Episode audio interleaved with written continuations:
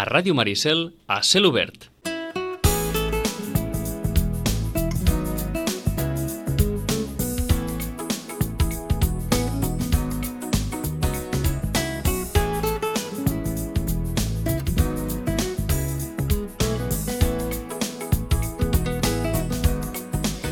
La Rosana no només ens proposa aquestes lectures lleugeres, sinó que de vegades l'estiu pot ser aquell període de l'any propici per abordar aquells llibres que per extensió o per profunditat difícilment eh, es poden llegir en altres moments de l'any on no hi ha tant de temps o tantes possibilitats d'estar més o menys concentrat en una lectura. O sigui que no només es pensin que tindrem literatura d'evasió, sinó que la Rosana sempre ens proposa una bona varietat eh, de temes per eh, les lectures de l'estiu. 11 i 22 minuts. Rosana, bon dia, bona hora. Hola, molt bon dia. Amb propostes diferents per un estiu, com sempre, que més d'un aprofita per llegir allò que no ha pogut llegir la resta de l'any, no? Sí, sí, sí. Uh, aquest any per això la gent està buscant molta evasió, s'ha de reconèixer. Eh? Això vol dir que les coses estan complicades, doncs. Uh, sí, sí, la gent vol evadir-se totalment i de moment allò que dèiem, no?, la d'això suposo que potser serà la segona quinzena d'agost, no ho sé, però mm -hmm. en principi ara tothom el que està buscant és novel·la de molta evasió. D'acord, i si haguéssim de posar dins d'aquest, eh, aquestes eh, previsions de novel·la de molta evasió, aquest objectiu de novel·la de molta evasió, la que està a hores d'ara al capdamunt de tot en les preferències dels lectors? Mm, eh, en, en definitiva, ara n'hi ha una que és el, del John Verdon, que és una novel·la que ha sortit fa molt poc i mm -hmm. resulta que eh, es diu Sé lo que estàs pensando. La veritat és que no sabem exactament per què, però és una de les que en aquest moment sí. més, com a intriga. Suposo que també perquè és novetat i ningú no, ni, ni coneixia el que mm -hmm. eh? Novel·la d'intriga, eh? Novel·la d'intriga, sí, novel·la d'intriga. Eh? D'acord, de però John bueno, Verdon, sé lo que estàs pensando. Sé lo que estàs pensando, i la veritat és que la gent està preferint eh, doncs, novel·la que no sigui d'intriga també, però ja veu que una de les novel·les que s'està venent més en aquests moments és Tiempo entre costures Mm -hmm. No és tant d'evasió, però sí que la veritat és que suposo que com que han retrata una època i uns costums socials, suposo que també això doncs, crida més. D'acord. Que n'havíem parlat en algun dia i tornant a l'inici de, de John Verdon, havien dit alguna cosa o no? No, no, no, perquè no. és que ha sortit ara just a finals de juny. Mm -hmm. Però vol dir alguna, alguna referència de l'autor? No, no, res. Res de res? No tenim ni referència de l'autor, ni res. El que passa és que s'ha de reconèixer que la, la portada, saps, com que porta uns números sí. molt grans i tal, suposo que surt d'entre les altres portades. D'acord i suposo que també això amb el, no sé, mm. el lector li apela més i diu no, no en sé res de l'autor, però és atractiu. D'acord, vaja, que la portada ha cridat l'atenció. La portada crida l'atenció. Crida l'atenció, eh? Bueno. Va, doncs John Verdon, sé lo que estàs pensando, El tiempo entre costures, un altre sí. dels llibres que més està sortint en aquests primers dies del fort de l'estiu. Algun més em ficaries en aquesta llista de, doncs de mira, més demanats? un que realment també és un dels més venuts en aquest moment, que és la Biblioteca dels Morts, la Biblioteca de los Muertos. Eh, ja sabeu que tot el que són llibres, intrigues sobre biblioteques, etc etc s'han mm -hmm. escrit bastant, sí. però bé, eh, no sé per què, però Glenn Cooper tampoc no... Com, autor també diríem que no, mm, no és massa conegut, però la veritat és que en la Biblioteca de los Muertos doncs, és mm, un autor que dius, bueno, deus ser arqueòleg, se suposa, etc. Però bueno, ens parla, eh, ja es veu, una biblioteca d'aquelles antigues, amb llibres antics, eh, i bé, eh, ens parla de la Bretanya, la Bretanya del segle VIII, hi ha una abadia, i en aquesta abadia doncs, hi ha un nen, un nen que creix, però és que creix eh, envoltat per una maledicció.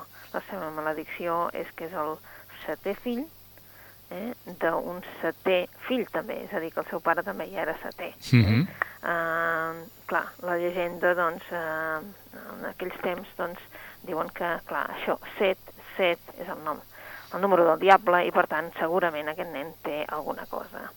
Uh, L'Octavus el que mm, comença a escriure una llista, eh? una llista, quan, quan ell ja sap escriure una llista de noms, noms i dates. Clar, ningú no sap què vol dir, em sembla que no tinguin cap sentit, eh? Però poc després hi ha una mort a l'abadia que coincideix amb un, amb un nom i amb una data de la llista. Bé, a partir d'aquell moment, evidentment, eh, l'atabalament, eh, l'esfereïment de tots els, eh, els monjos benedictins és, és ja eh, esfereïdor Uh, ens traspassem ara a la- a l'actualitat, a Nova York, i a Nova York hi ha un assassí, un assassí d'aquests que són en sèrie que té, bueno, a, a tota la ciutat doncs, pensant a veure en qui li toca. Eh? Per què? Perquè poc abans de morir eh, les víctimes han rebut una postal, una postal amb la, la data de la seva mort i al costat un dibuixet d'un taüt. Clar, quan passa això, tothom està alerta al correu i diu qui rebrà aquesta propera postal i realment qui està darrere de tots aquests morts, no? Uh -huh. és un, una novel·la d'aquelles d'un thriller, o un, thriller que n'hi diem, no? perquè és un secret que està ocult des de fa segles. Eh?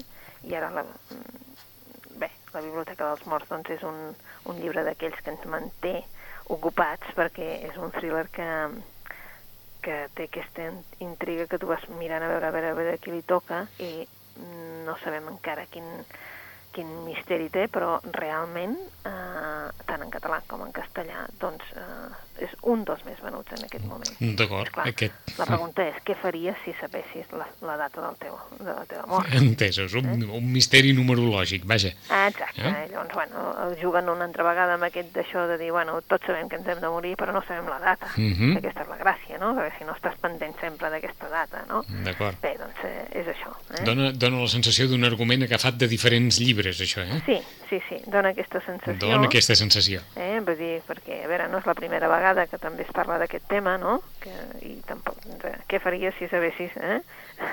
que, que t'has de morir tal dia a tal hora, no? Mhm. Bé, i a més a més, clar, en definitiva aquí el que, ha, el que es tracta és de saber eh, qui està darrere de totes aquestes morts, eh? Perquè, esclar, diguéssim que la Biblioteca dels Morts doncs, és l'excusa, eh, d'allà han de treure precisament la clau per resoldre el misteri. D'acord.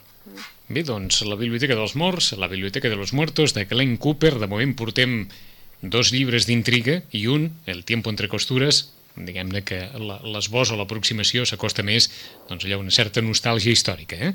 però ja veig que, que es porta la intriga i que es porten les emocions fortes en les lectures d'estiu. Sí, la veritat. Després hi ha altres històries, històries més personals, històries més, mm, diguem-ne, que, eh, que hi van els sentiments, les sagues Mhm. familiars, i en aquesta n'ha sortit una, que es diu, d'una autora que es diu Deborah Rohan. Tampoc no és una autora que diguessis, bueno, eh, ja sabeu que a l'estiu surten coses que els editors aprofiten per treure eh, llibres que potser no, No, que no traurien en altres que no moments. traurien en altres moments, no? I que van fent el seu recorregut, però bé, que és, és diferent de tota la maquinària de, no? que hi posen per, eh, de màrqueting que hi posen en, en les altres èpoques. Eh? Mhm. Uh, és una, una època més relaxadeta, més tranquil·la. Doncs bé, uh, la Deborah Rohan ens fa un llibre que es diu El sueño del olivar, publicat per Suma de Letres. Eh? I, en definitiva, ja en el subtítol ja veiem de què va. És una història de Palestina. Eh? Bé, sempre serà eh, una novetat. Eh? Palestina, Terra Santa, la Terra Santa dels cristians, la terra bíblica dels jueus, mm, és allò, no? Allò, aquell Sí. lloc sagrat eh, per uns i per uns altres. Però, evidentment, és un lloc de conflicte, un lloc de conflicte que fa molt de temps que tenim allà i que no hi ha manera de, de, de veure-li un, un, una petita llum, no? Ens parla d'una família, la família Mogarabi, que ha viscut a Palestina des de fa molt temps, eh? i quan s'acosta la, la Primera Guerra Mundial hi ha un soldat otomà, Kamel Mograbi, que, el, bueno, que és encarcellat pels turcs. Però després es reunirà amb la seva família, després de ser alliberat, eh, es l'alliberen les forces britàniques, es reuneix a la família i es casa amb una amiga, amb una amiga de la infància, eh, la Hanilla. Eh? Um, aquest període, diguem-ne, de tranquil·litat, de felicitat, o diguem-ne de com vulguis, és, uh, um, els hi dura molt poc. Per què? Doncs perquè la terra on estan ells comença a ser, doncs, això, uh, invadida amb violència per la població àrab, pels jueus, Mhm. que migren de tota Europa. Llavors, eh, ell el que es frustra és tota possibilitat d'una Palestina independent. La família del Camel el que ha de deixar és el, aquell lloc, el lloc tan estimat dels seus mm, de les, dels seus eh, olivers, eh? i per això es diu el sueño de l'olivar. Eh? Bé, um, és un exili de 50 anys, el Hamsi Mograbi tornarà a la terra amb la seva filla i tornarà a la terra dels avantpassats. Però, és clar la Palestina que ell va conèixer quan era nen ja no existeix en absolut. i el Hamsi el que rememora és la història de la família, que no és altra que la història de Palestina. Eh? Un poble que, que segueix mantenint l'esperança, com el Hamid, que ell continua tenint esperança, però és clar, mm, ja veiem que la història de Palestina en tenim per uns dies. No? Mm -hmm. eh, és una història més o menys basada en fets reals i és una saga familiar, que evidentment els noms estan canviats, etc. però el que ens fa és eh, detallar-nos d'una manera molt clara doncs, tot el que és la vida a Palestina, la cultura de Palestina, i enmig ens hi posa una història d'amor, una història d'amor que també n'hi ha a Palestina. Mm.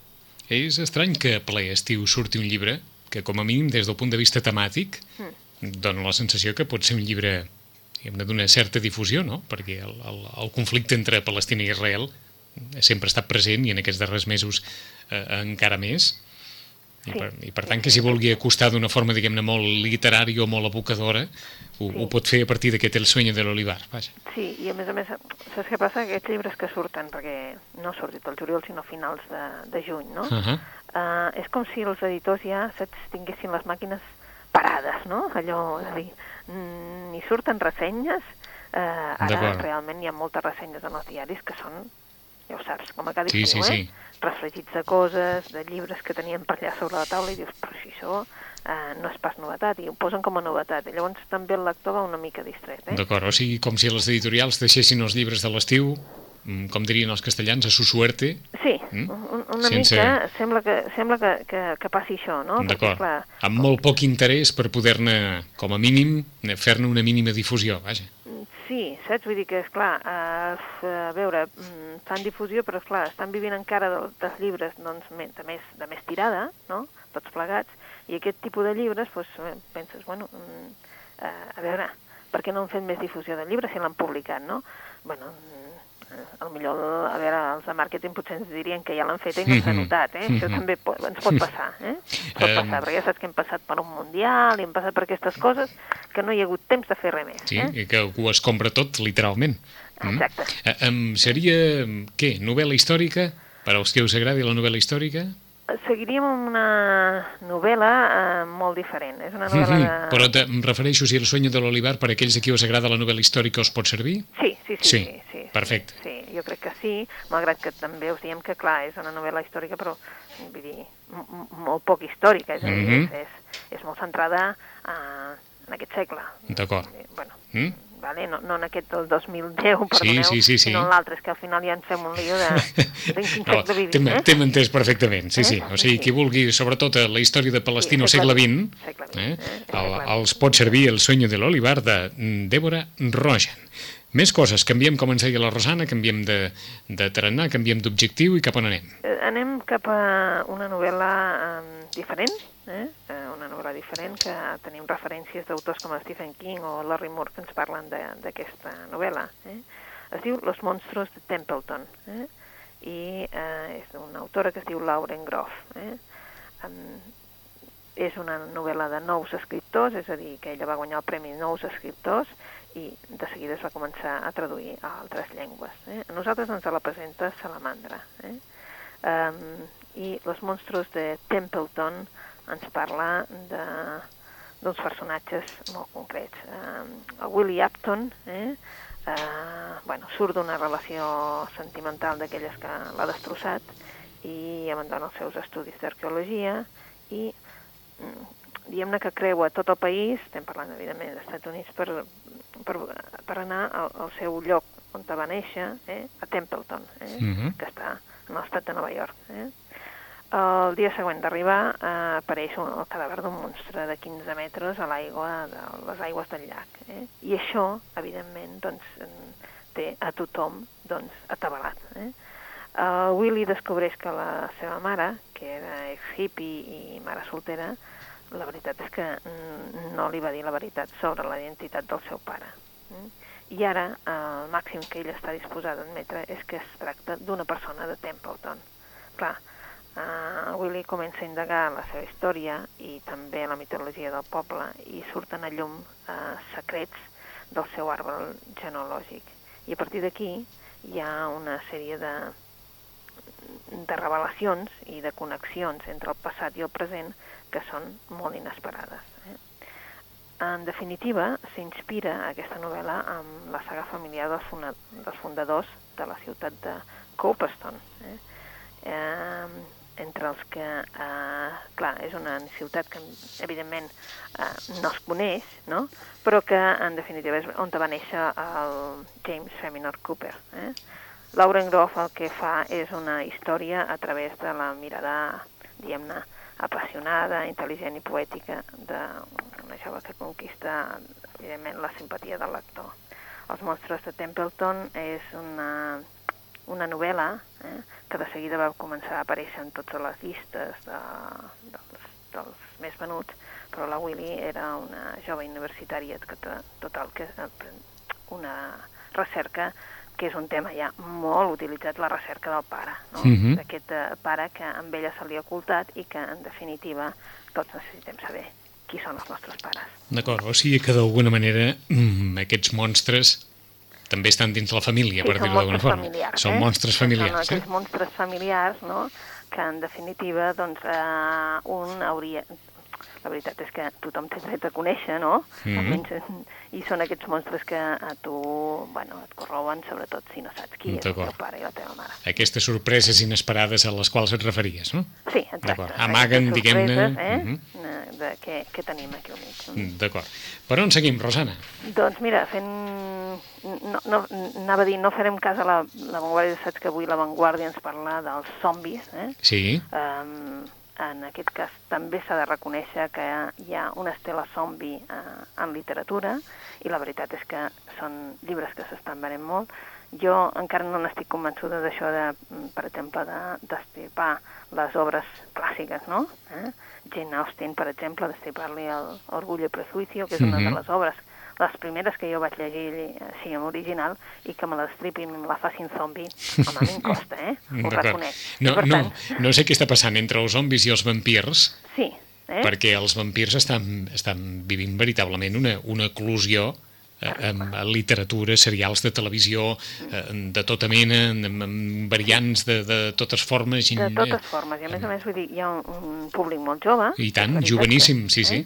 Que els hi encanta, que els hi encanta, i tu penses, bueno, no ho haguera dit mai, però bueno, els hi encanta, estan totalment enganxats amb aquestes sèries, Mhm. i després hi ha un públic més adult dintre de- d'aquestes sèries. D'acord, eh? s'han També. re- s'han rejuvenit els vampirs, per cert, eh? Perquè a principi del segle XX els vampirs eren més grans, Sí, Bela. Lugosi ja tenia una edat, Christopher Lee era més jove, i ara els vampirs que apareixen per televisió són, Bueno, sí, són canalla, eh? són Ja canalla veus que- adolescent. Sí, són canalla adolescent, però ja veus que eh, el mite de, del vampir, que era com a, no? Sí. Com una persona com a molt tètrica. Ah, molt d'això. això mateix. Això ara... Això ha passat a la història. Semblen recent sortits de... Sí, sí, Eh? acabats de sortir de l'acadèmia. Ah, exacte. Mm. Eh? Vull dir que són completament diferents. Eh? D'acord. O sigui, hi ha molta venda de literatura relacionada amb aquestes qüestions, siguin vampirs, zombis, vull dir, també literatura d'aquesta mena. de literatura d'aquesta mena, però nosaltres um, ho deixarem per, a, eh? Mhm. per a aquests diaris que en fan allò volum i la veritat és que sí, s'ha de reconèixer que des de que va sortir la guia per de supervivència zombi, allò ha sigut mm, una eclosió de, de llibres, eh? Eh, també se'n fa una altra sèrie que són 13 bales i tot això que dius, bueno, tu, Mhm. potser... Bueno, però nosaltres no en farem cas i continuarem amb les nostres coses, eh? Uh, parlem d'un altre llibre, eh? un altre llibre que es diu uh, Un any en l'altiplano. Eh? Um, són llibres com molt diferents per a tots aquells que vulguin uh, un altre tipus de literatura. Eh? A més, diguem-ne, més sèria, mm, que rememora una, unes experiències i que no té res a veure amb aquest tipus així més de ficció. Eh? D'acord, ja ens ho semblat que, Eh? No. que et, venia, et venia més de gust recomanar una altra cosa, eh? Eh, sí, bueno, és que jo crec que també hi ha, hi ha de tot, no? I Mhm. aquesta és una de les que, eh, que es poden recomanar, que són completament diferents. Un any en l'altiplano. Un any en l'altiplano, sí, de l'Emilio Lusso. Eh? Um, de fet, eh, és, és, un senyor que és eh, fill d'una família sarda. Eh? Um, bueno, clar, ell va ser tota la família partidària de la intervenció italiana a la Primera Guerra Mundial i bé, va combatre com a oficial d'infanteria a la brigada. Eh? Clar, eh, més tard es va posar a escriure i ens parla doncs, precisament d'aquesta experiència. Eh?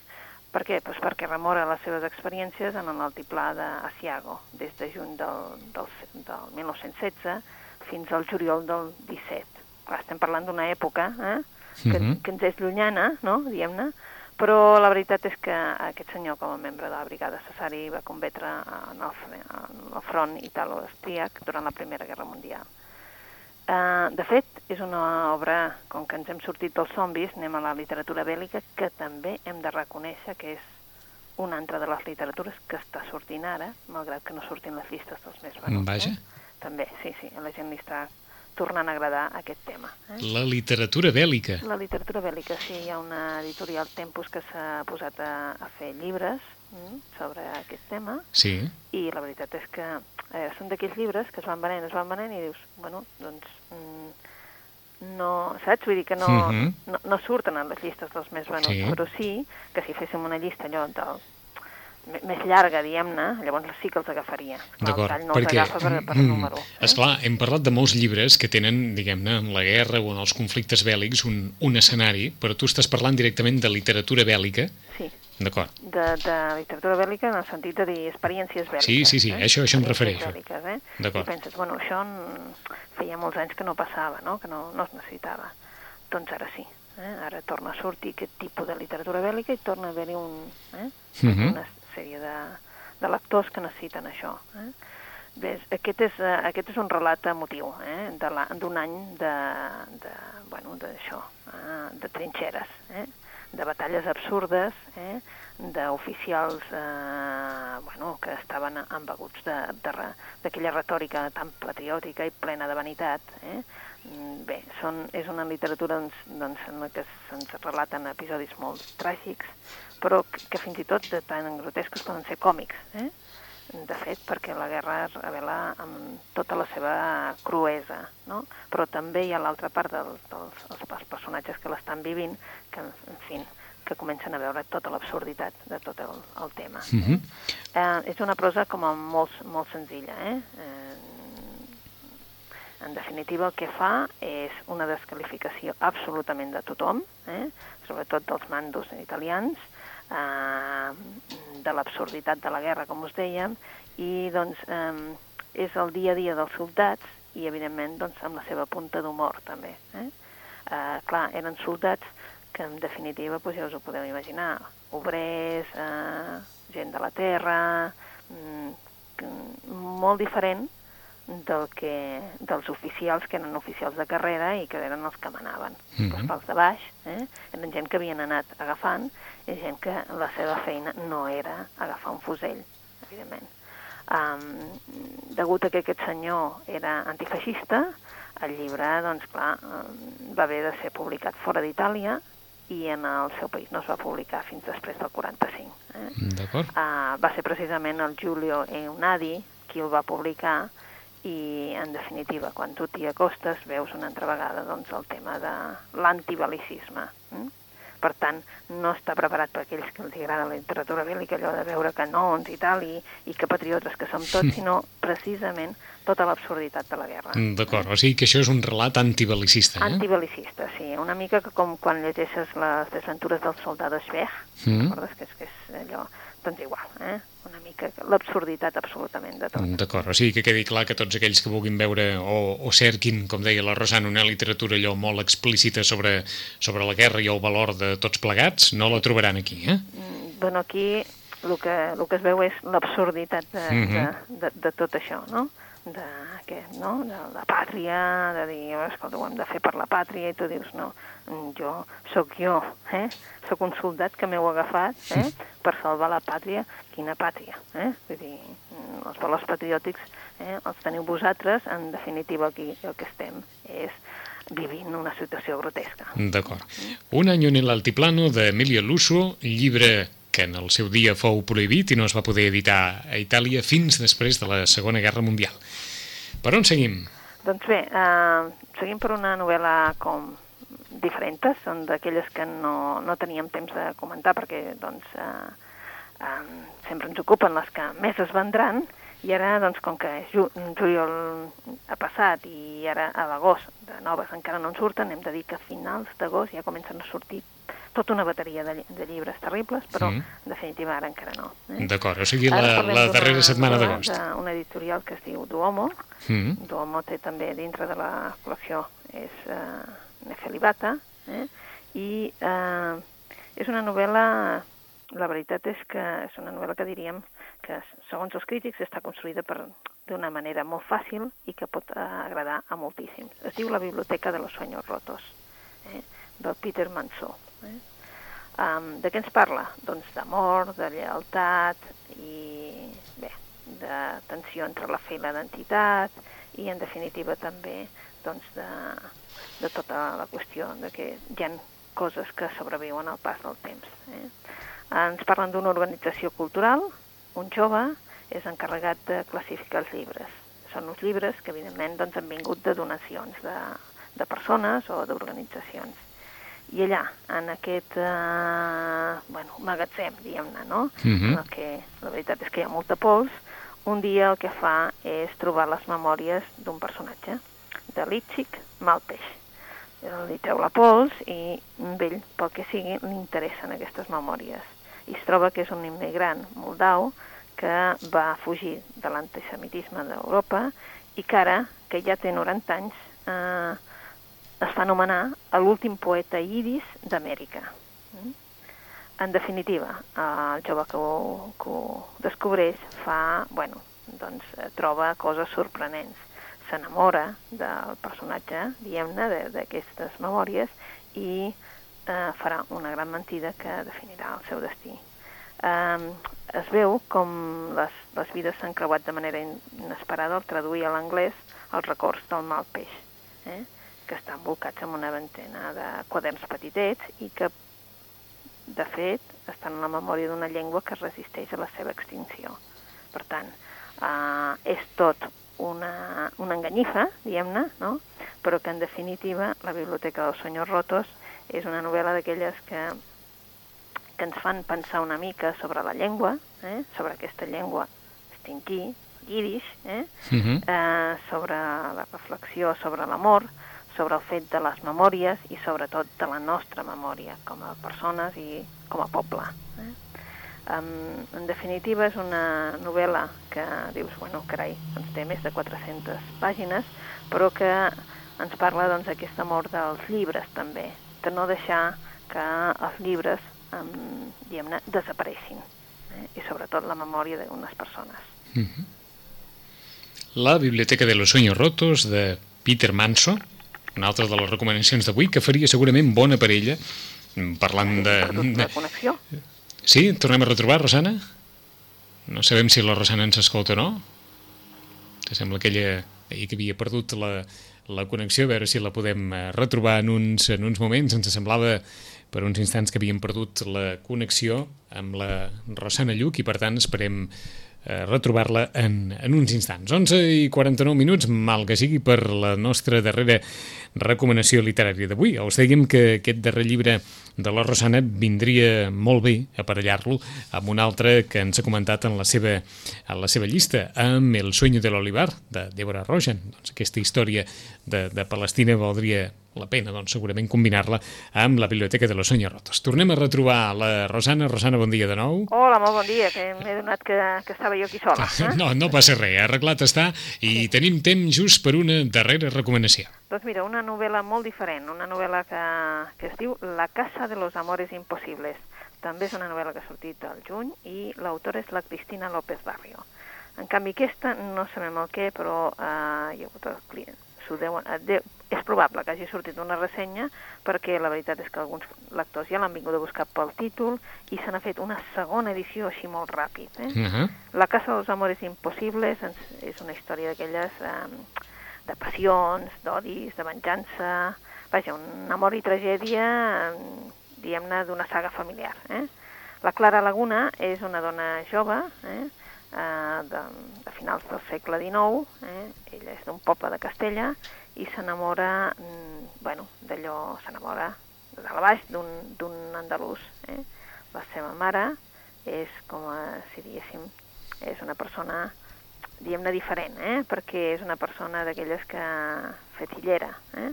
i la prevé de la maledicció de la laguna. perquè estan condemnades a sofrir, a patir el, el desamor i a tenir nenes que també tindran mal d'amors.